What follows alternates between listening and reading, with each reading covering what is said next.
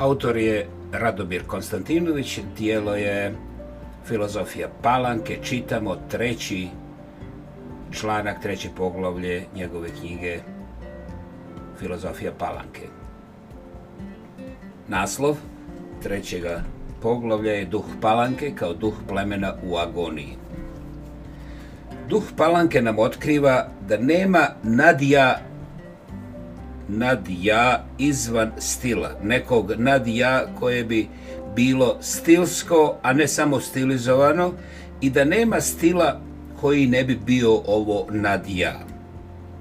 Makoliko stil izgledao delo individualnosti, on je delo nemirenja individualnosti sa samim sobom i to pre svega kad je delo silovite individualnosti koja želi svoj stil da oglasi za opšti stil, za stil svih.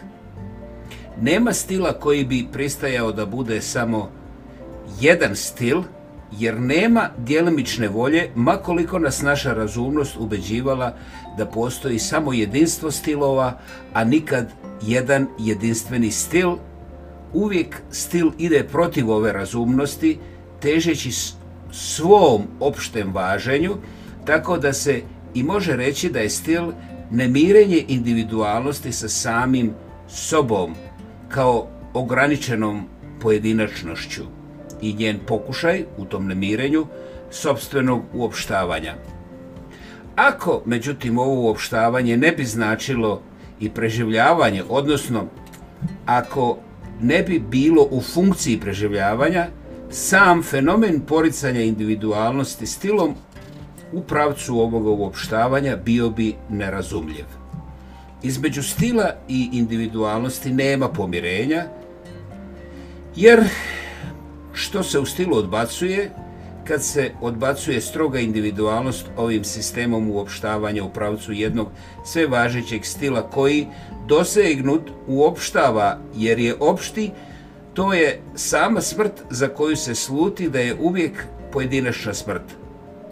Ne umire čovjek, već umire čovjek X.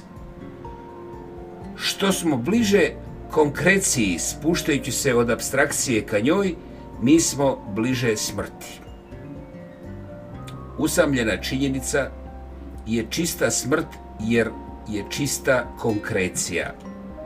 Plemenska kultura našla je u ovome prvo i posljednje svoje znanje, praznanje svakog znanja.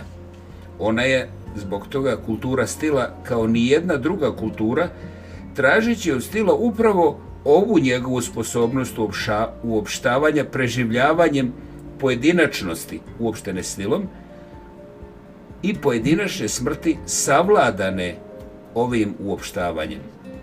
Ona je otuda sebe stilski najviše, najpotpunije oličila u odnosu sa bitnim trenucima egzistencije, sa trenucima rađanja i smrti, time što ih je do kraja ritualizovala, što je ritualom uopštila duh pojedinačnosti, iskušenjem smrti, koja su iskušenja pojedinačnosti ona je suprostavila kao svojevrsni svoj odgovor snagu uopštavajućeg stila, njegovu moć uopštavanja. Pred smrću se ritualom, stilom organizuje pleme u samom sebi kao jedno stilizovano pleme. Kad tražim stil, kad težim ka njemu, ja to ne činim iz nekakve kulture, već iz ove vernosti ka preživljavanju sobstvenim uopštavanjem. Umjesto čovjek, to je stil. Trebalo bi možda reći pleme, to je stil. Ja sam u ovom traženju stila čiji tvorački duh nikad nije duh individualnosti, već duh uopštavanja njenoga, jer nema volje za individualnim stilom. Individualni stil je contradictio in adjekcio, stil upućivanje, stil je upućivanje kao opštosti. On neizbježno podrazumeva moment opštosti. Individualni stil koji poznaje praksa jest protivriječen volji stila, on je dijelo jedne nemoći, a ne izraz moći koja ga pokreće. Ja sam uvijek pleme, uvijek, uvijek plemenski duh, tu progovara iz mene, duh koji je samo poništenjem pojedinačnosti sistemom jednoobraznosti pokušava da radživi smrt.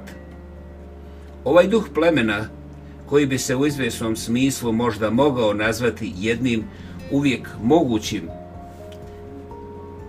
jednim uvijek mogućim, jer je uvijek prisutnim duhom svakog duha, izražen je posebno naglašeno u duhu palanke. Potom, svom plemenskom upućivanju, stilu kao preživljavanju uopštavanjem, poništavanjem pojedinešnosti, duh palanke je jedan izrazito plemenski duh. Da i ne znamo za lekciju istorije i sociologije, koja nam poručuje da je palanka čardak ni na nebu ni na zemlji, ni selo ni grad, mi bismo njenu genetsku vezu sa plemenskim selom osjetili već po njenoj naglašenoj vernosti jednoobraznom, uopštavajućem stilu kao čistom poricanju svake pojedinačnosti, a time kao pokušaju poricanja smrti.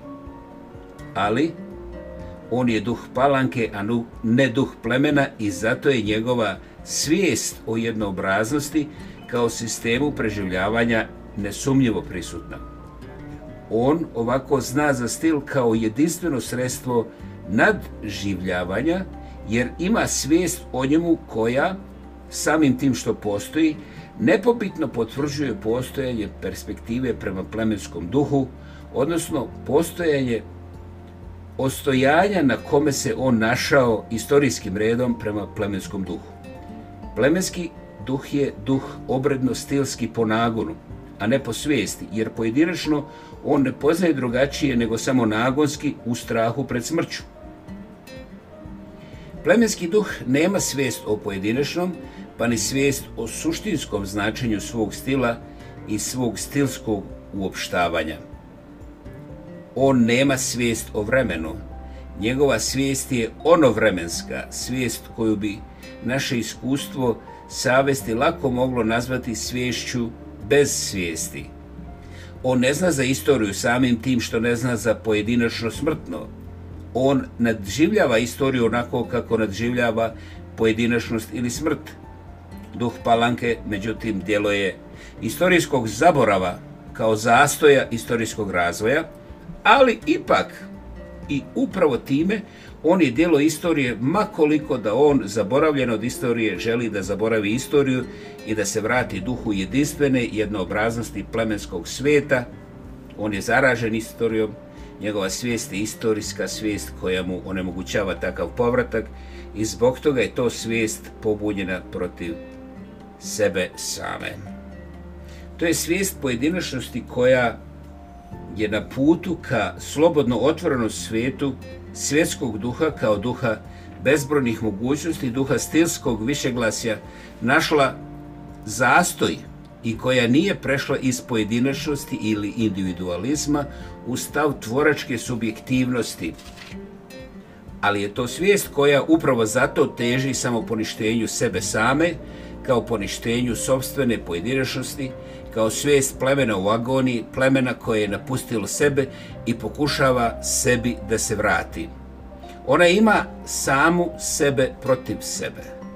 To nije individualna svijest koja, ne mireći se sa svojom individualnošću kao ograničenošći, teže i stilskom prodoru svijet i tako sebe uopštava, pa uopštavanjem idealno i poništava samo protivrečno, težnjom ka svom apsolutnom važenju, još manje je to plemenska svijest koja je bez svijesti o sebi, jer je bez istorijske svijesti kao svijesti o vremenskoj i svijesti o pojedinačnosti.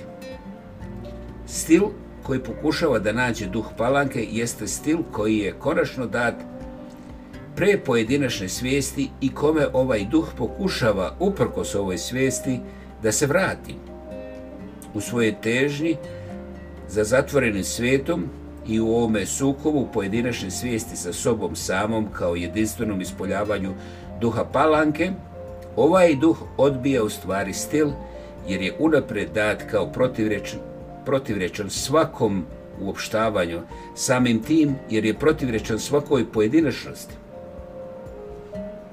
Pojedinačnost neće doći do stila svojim uopštavanjem, niti će stil biti živo uopštavanje pojedinačnosti. Stil će biti tu, sa onu stranu svake pojedinačnosti, ali i sa onu stranu svakog procesa. Odbijanje pojedinačnosti je ovdje odbijanje stila, upravo u ime krajnje vjernosti njemu. Duh palanke gubi stil u ovom apsolutnom obogovljenju stila, jer gubi pojedinačnost kojoj se iskonski protivi, duboko već zaražen njome. Život stila, koji pretpostavlja ovo uopštavanje do pojedinačnog kao jedan proces, ovdje se onemogućava. Duh palanke ovaj proces odbija i sprečava jer je procesu protivan onako kako je protivan svakoj istoriji i kako je zbog toga protivan svakom pokredu. Stil za njega nije proces, stil je statičnost u punoj izmirenosti svega pojedinačnog sa voljom i obrazcem stila. Stil je rezultat koji hoće pre procesa, izvan njega, onako kako se ovdje hoće plemenski duh, a hoće se upravo zato što je duh palanke izvan njega i što njemu pokušava da se vrati.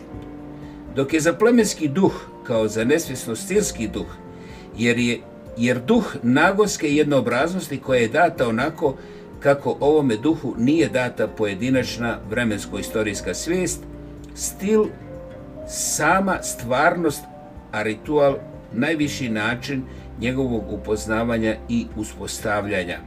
Za duh palanke stil je obrazac koji treba podržati svojim životom, u koji treba bukvalno ugraditi život i koji dolazi učiniti posle tog obrazca. On je norma, a ne stvarnost. I utoliko je više norma i zakon ukoliko je manje stvarnost, ukoliko se više osjeća kao konstrukcija kojoj se stvarnost odupire. Normativnost je tim svetija ukoliko je stvarnost problematičnija. Sve što je protivrečno njoj odbacuje se s neisrpnom brutalnošću mogućnosti za pokret u svijetu palanke otuda su ponekad gotovo beznačajne. One su u obrnutoj snazmjeri sa ovom voljom duha palanke za normativnošću koja se traži svuda i u svemu i koja zahtjeva apsolutni uvid u sve, apsolutnu javnost bez pauze. To je bio kraj članka broj 3. Nastavljamo sa člankom broj 4 koji će pod naslovom Palanka, pozorište normativnosti, da nas zabavlja dalje u ovoj fantastičnoj knjizi. Hvala i čujemo se ubrzo u nastavku broj 3.